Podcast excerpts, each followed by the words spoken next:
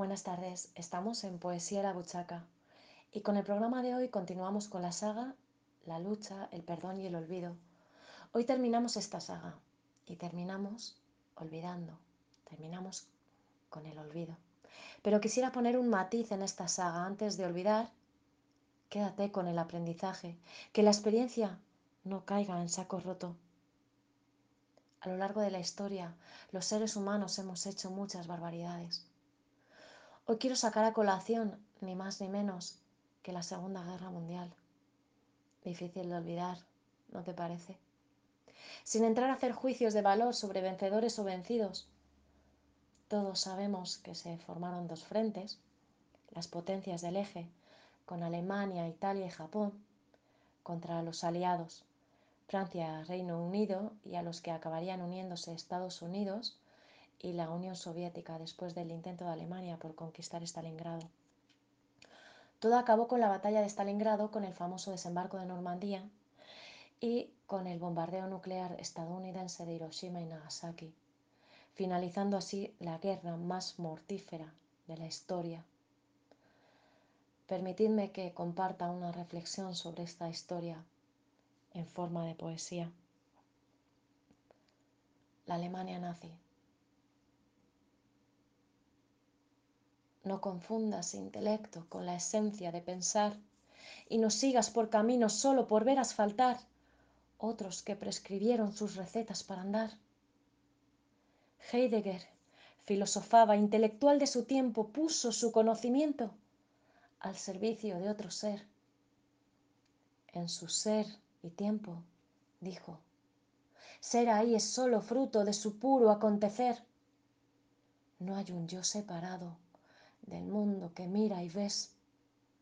En la idea reforzado de su ser predestinado, se encontró con un tal Adolf, coetáneo al que siguió. Increíble fue la historia, que un país civilizado donde crecieron los genios del pensamiento liberado, se enzarzaran en la lucha de otra guerra mundial. Después de Hegel o Kant, ¿Qué pasó con lo sembrado que en las manos de un villano cayó el pueblo cautivado por un enfermo mental? Le siguieron la corriente, arrastrados en panal hasta ver llegar la muerte a su Alemania natal. Es tu corazón más noble que el intelecto más versado. No sigas al que razone si corre sangre en sus manos, ni sigas al que se empeñe en condenar por extraño. No sigamos los ejemplos, ni te dejes conquistar por algoritmos pintados tras el agua de un cristal que te oculta lo que lleva escondido en su moral. Las principales consecuencias de la Segunda Guerra Mundial fueron la caída de los regímenes fascistas de Alemania e Italia, el fin del imperialismo japonés, la destrucción de una importante parte de Europa, Asia y Oceanía, la muerte de más de 60 millones de personas. La guerra fue el drama. Las consecuencias ya las he dicho y la causa es lo que tenemos que estudiar para no cometer los mismos errores. Yo soy fan de tener individualmente un buen espíritu crítico y colectivamente una buena conciencia social. No voy a hablar de política. Me quedo con que de ese dolor surgió la organización, de las Naciones Unidas para asegurar la paz internacional y la prevención de futuros conflictos.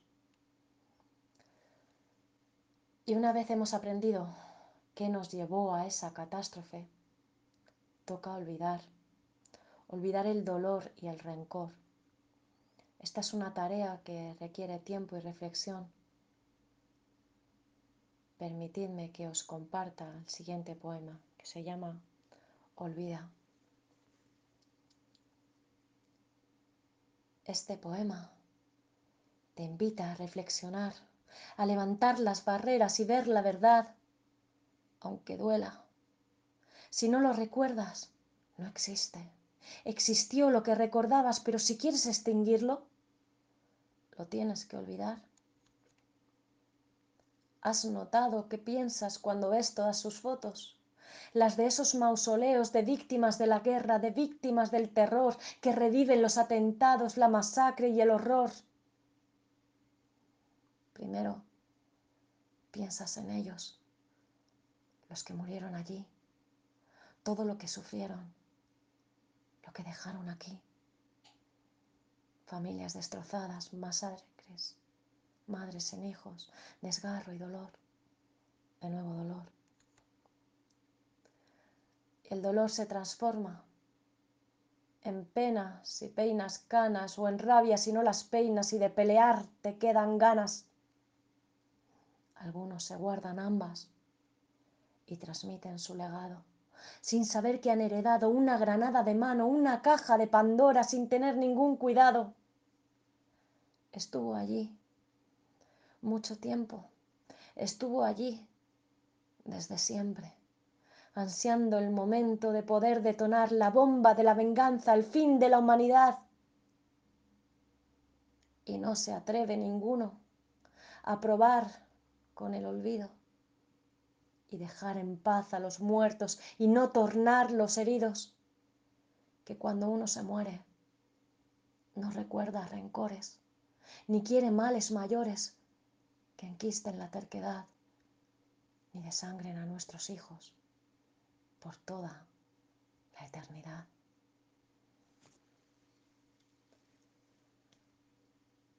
Hay mil dramas que recordamos constantemente. Esta postura del olvido puede resultar polémica. La ley de memoria histórica, las víctimas de ETA.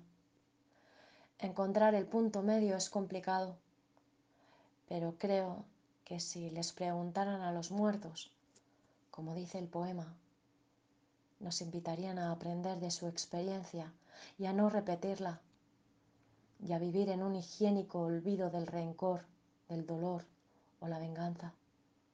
Y ser capaces de pasar página, que es a lo que os invito con el siguiente poema. Pasa página. Déjame que te inspire y respira. No te rindas. Has llegado hasta aquí.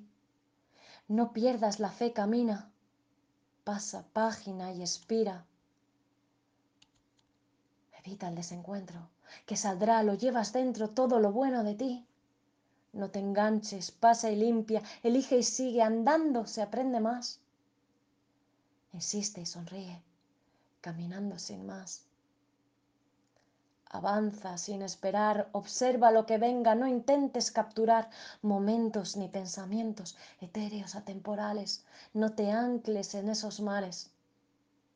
Deleítate y contempla tu nueva realidad, esa que te espera con la página al pasar.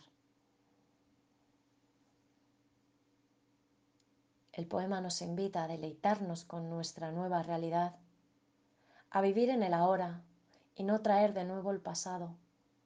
Olvidar es trascender, poder mirar lo que pasó sin ira ni rencor.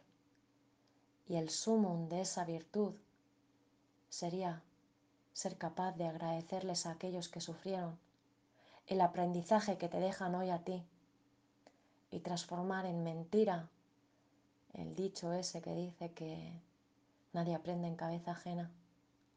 Ojalá, como humanidad, seamos capaces de olvidar rencores.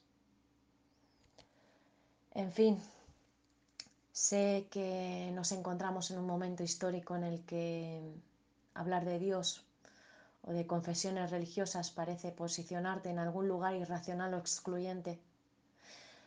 Pero meditar, rezar, cultivar nuestro espíritu ayuda a olvidar lo malo. Yo respeto que cada uno crea racionalmente en lo que quiera, que sea agnóstico, o laico, pero desde todos los puntos de vista sé, conscientemente, que la naturaleza humana es más feliz si cree, si tiene fe, si confía, si tiene esperanza sea lo que sea. Así que tan solo si os puede ayudar a alcanzar el objetivo de olvidar, os comparto hoy la, la intimidad de mi oración. Ayúdame, Señor. Con humildad te pido, con humildad te escucho y con alegría doy gracias de todas tus bendiciones. Son tus palabras mis mayores oraciones. Me siento en tus manos protegida y a salvo. Eres el amigo al que hablo y sé que todo ocurre por algo. En ti confío, Señor. Dame ganas de seguir con mi enseñanza. Y coraje y valor para alzarme con templanza cuando caiga en la ignorancia de creer que no hay nada que hacer. Brota el milagro y hace este ser fuente de esperanza.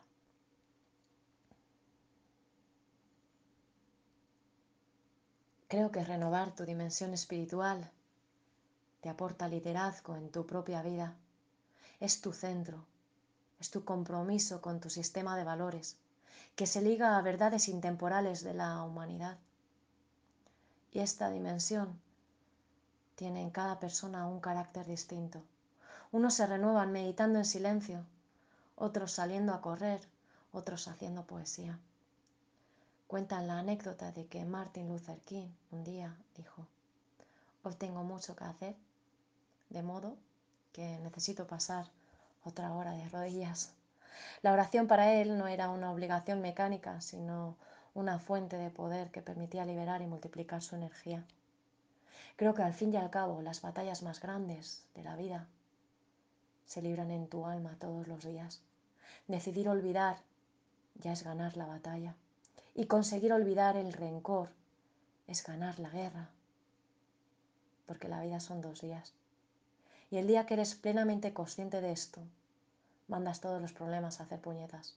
Porque además, si has optado por el olvido, el tiempo ayuda mucho. Hay mil refranes al respecto. El tiempo lo cura todo yo pondría entre paréntesis si hay una clara voluntad de sanar. Pero sobre todo el tiempo pasa. Pasa de ti y de lo que te ocurra. Así que no lo gastes con rencores inútiles. Voy a compartir con vosotros el poema. No hay tiempo. Tienes tiempo para todo, decía el padre al niño cuando lo recogía del parque para ir a merendar y yo a enmendar me hubiera parado. Aún tienes tiempo, niño. Pero no, yo no. Ya no tengo tanto tiempo para dar y corregir. Toca ahorrar y elegir. Elige bien cómo gastas, elige bien compartir. No lo pierdas en patrañas ni en gente que no es para ti. Escoge con fundamento, busca la calidad y no tires ni un momento que ni suma, ni renta, ni da.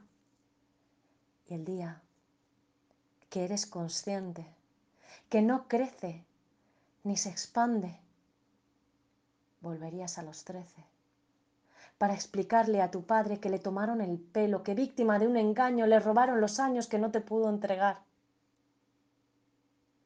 ¿A qué dedicas tu tiempo? Vívelo, que se va.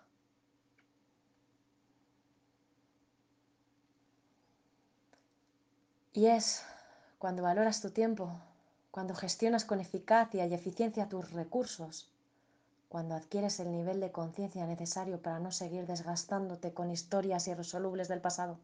Lo que pasó, pasó. Y ahora es otro momento, un nuevo regalo para empezar de nuevo. Aquello te dolió. Lo sé. Ten paciencia para pasar el duelo. Ten paciencia para aguantar los caballos y no buscar la revancha. Amigo, ten paciencia. La venganza, ni fría ni caliente. La venganza es indigesta. Es un cuchillo sin mango que corta por los dos lados. La venganza Remueve la mierda que querías olvidar.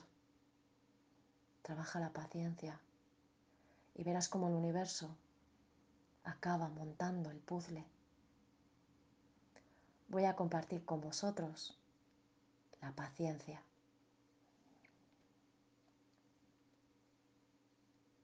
Paciencia es la ciencia de la paz, instrumento sin medida y sin caudal es la infinita el anhelo del que trabaja en amar, en ella se atemperan las acciones tras su causa, en ella hacen su pausa los que esperan prosperar. Paciencia es lo que tiene aquel que persevera, paciencia es lo que quema el enojado en la hoguera y paciencia la que brota de sus cenizas y enseña. Es madera la paciencia del árbol de la paz. Escúchame, hermano. Haz mi consejo verdad. De joven cultiva mucha, que sea eterna y cabal. Que de viejo será la sombra que cubra tu pedestal, donde se apoyen los hombres serenos a meditar. El que domina el arte de la paciencia mantiene la calma y la serenidad. Tiene intrínsecamente también más posibilidades de tomar buenas decisiones en su vida. Me gustaría cerrar el capítulo de hoy con un signo de esperanza, donde acentuar que todo lo que vayamos a vivir aquí podamos pasarlo por un buen filtro que nos haga quedarnos con todo lo bueno y desechar lo malo. Os invito a escuchar mi versión de lo que pasa entre una vida y otra.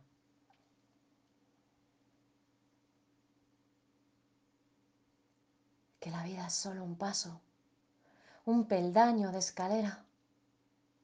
Sujeta en mí los pilares, que no se derrumbe mi fe, ni pierda la tierra umbrales que sostener al nacer que escriba yo.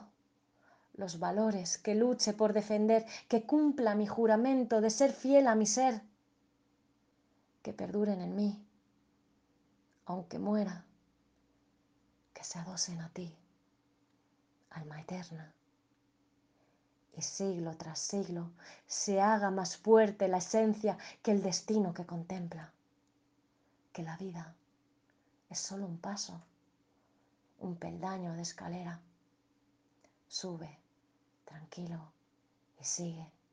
Vive el esfuerzo y llega a ese descanso que enseña la realidad primera.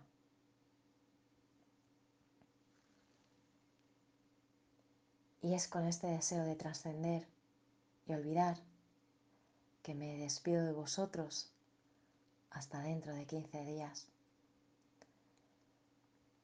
con la ilusión de haber tocado un poquito vuestros corazones y la fe de que volveremos a vestir la vida con un poquito de poesía. Un abrazo muy fuerte y hasta pronto.